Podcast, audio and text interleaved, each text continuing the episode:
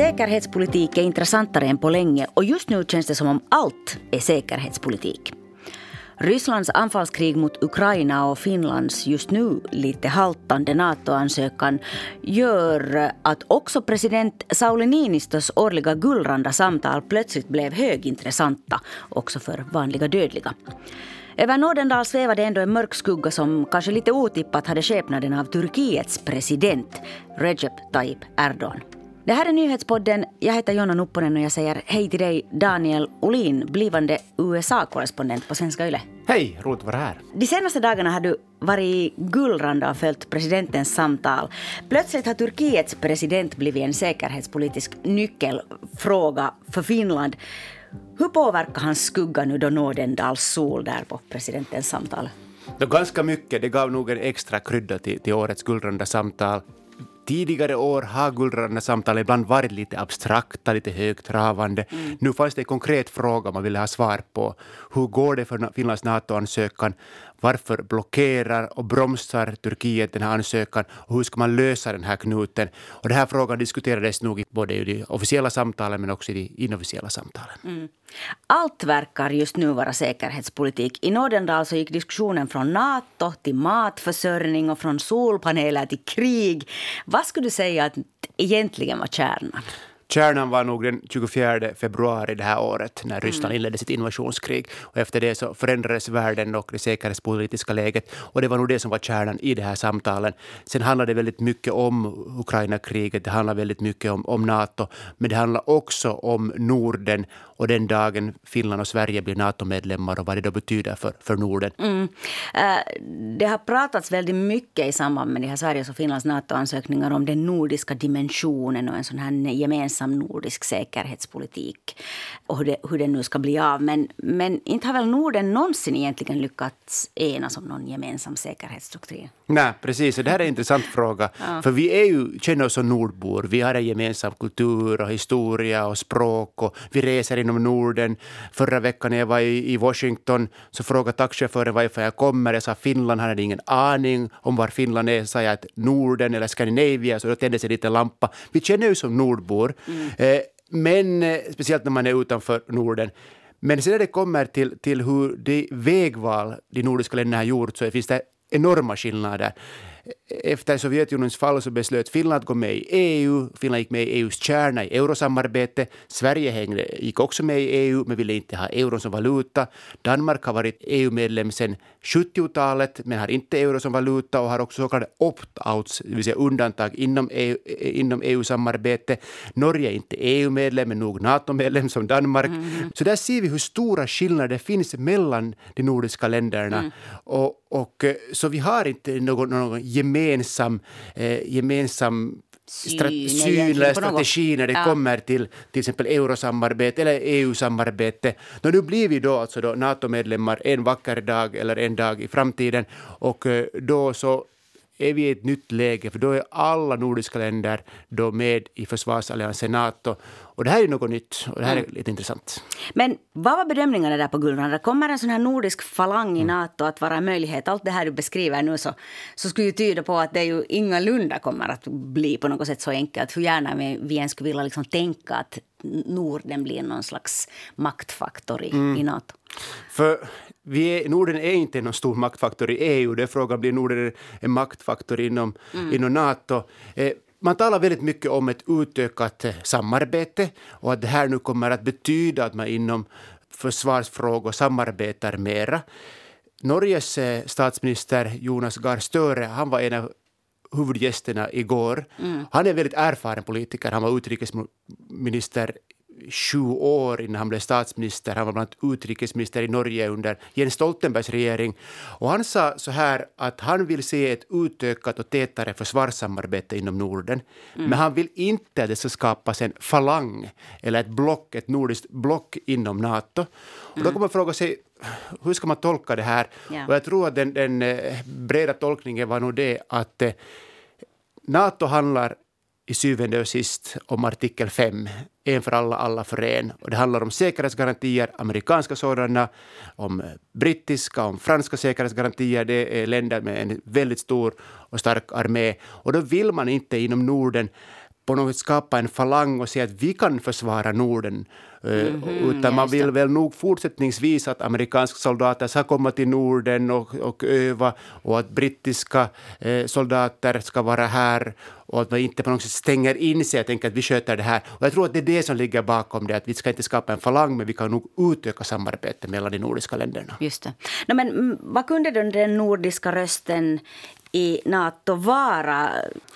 Det när den dagen Finland och Sverige går med så kommer Norden att ha 16 procent av hela liksom, Natos yta, areal. Så det är ganska mm. stort liksom, geografiskt sett. Eh, men sen vad annat det kan innebära? Jo, det kan innebära att man har då en gemensam röst på olika NATO-möten. Man kanske kan lyfta fram nordiska värderingar, mm. mänskliga rättigheter och så vidare.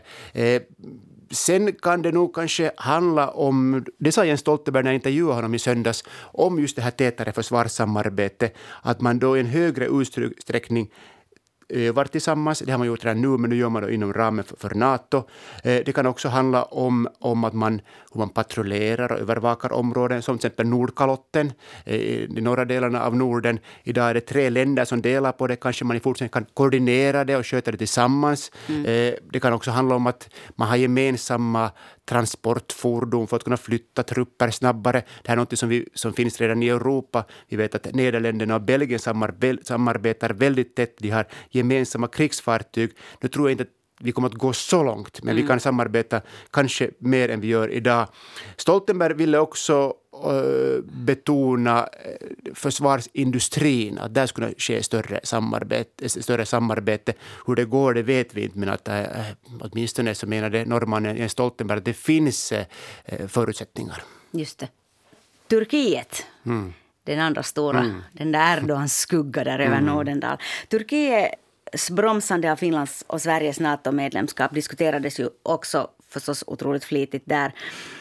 Det, den här Erdogans förhandlingstaktik och, och kanske också bristen på respekt för Finlands och Sveriges demokratier och rättssamhälle så är ju ett ganska allvarligt och ett högst verkligt problem just nu. Finns det några lösningar i sikte? Det här är nog en väldigt svår situation just mm. nu. Eh, och den lösningen är inte i sikte, inte just nu. Stoltenberg betonade upprepade gånger att jo, vi kommer att hitta en lösning. Finland och Sverige kommer att bli NATO-medlemmar. Mm. Eh, han eh, hade också stor förståelse för Turkiet. När han, upprepade gånger så, så talade han varmt om Turkiet och, och sa att det är ett stort land och som har stora utmaningar. Det här handlar om, om, om diplomati på allra högsta nivå. Så här ska man göra. Man måste stryka med hårt för att få med Turkiet. Men någon direkt lösning just nu, det finns inte. Och det såg man också. Det fanns nog en viss frustration Eh, bland då NATO Natos eh, ja, tjänstemän, i första hand då Jens Stoltenberg. För det här är nog eh, en ganska svår situation för, för Natos högkvarter och framför allt då för Jens Stoltenberg. Han var inte helt, helt nöjd. Mm. Hur har de liksom mer informella diskussionerna låtit där i Gullranda om Turkiet? Sånt som man, man på något sätt säger vid kaffebordet och mm. kanske lite off the record? Det som man kanske säger i, i bakgrundssamtalen är att nu vill eh, Turkiet då synas, höras, eh, höja sin profil och att de vill nu att Nato ska börja diskutera terrorism. För ett faktum är ändå att, att inom Nato så är Turkiet det land som har utsatts för flest terrordåd.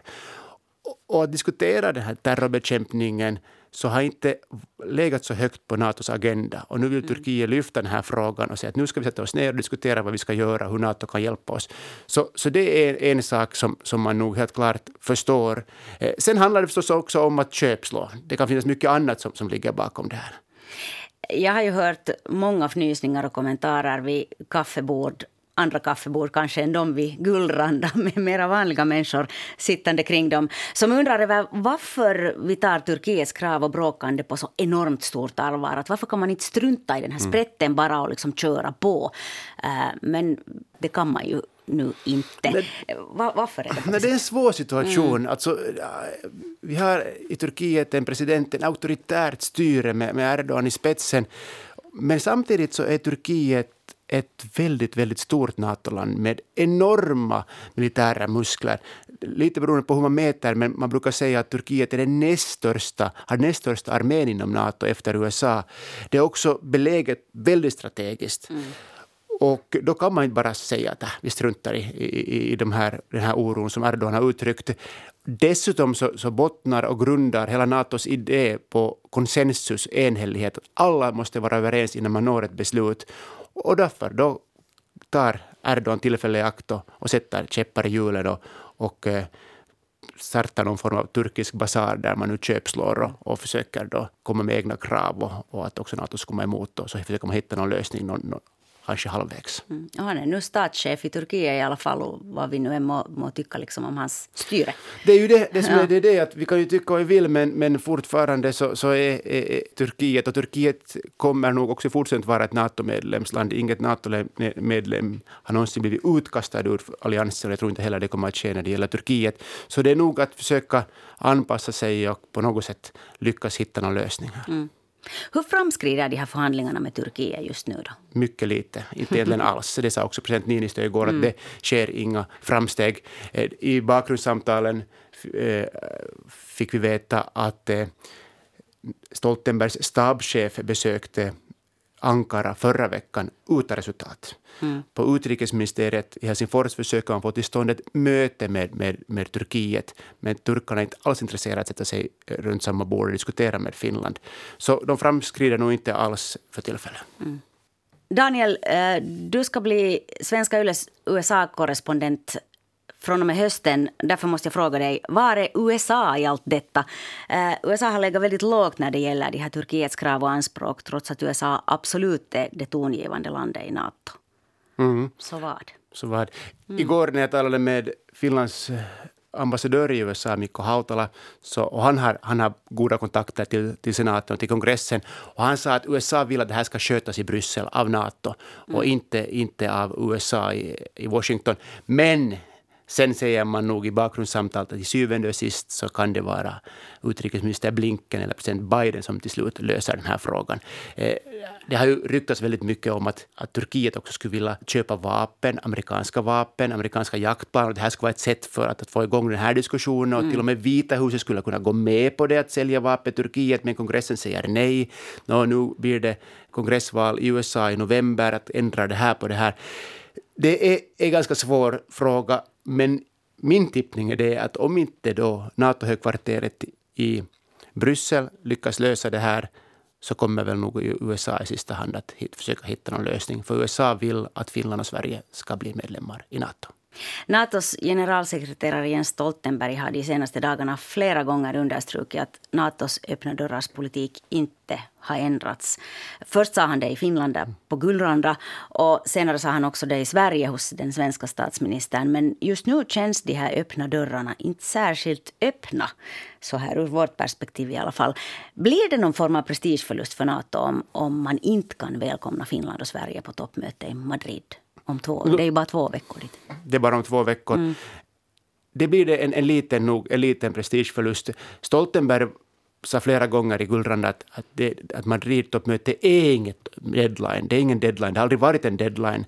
Men eh, om inte det är en deadline, så vad är då deadlinen? Mm. För om inte man når en, en lösning i Madrid så kan det här bli en väldigt utdragen process.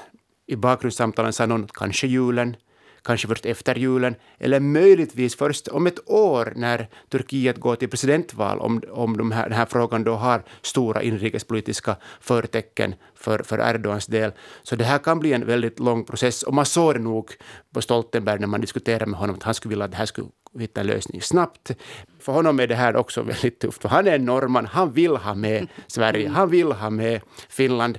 Dessutom så, så har han, han eh, Ukraina-kriget, som han ska sköta. Och, eh, han har också drabbats här för någon vecka sedan av, av, av covid och har nu fått bältros som följdsjukdom. På norska heter det helvetes ild, helvetes eld. Så han såg nog väldigt trött ut och det är nog tuffa veckor för, för Stoltenberg. Men jag tror att i det här läget är det just Stoltenberg, det är just hans stab i, i, i Bryssel som måste kunna hitta en lösning. Ingen semester för Jens Stoltenberg i sommar med andra ord. Knappast, nej. Daniel Olin, tack för den här analysen. Du har lyssnat på nyhetspodden från Svenska Yle och jag heter Jonna Nupponen. Producent är Ami Lassila och tekniken sköttes idag av Max Kivivuori. Fortsätt lyssna på oss.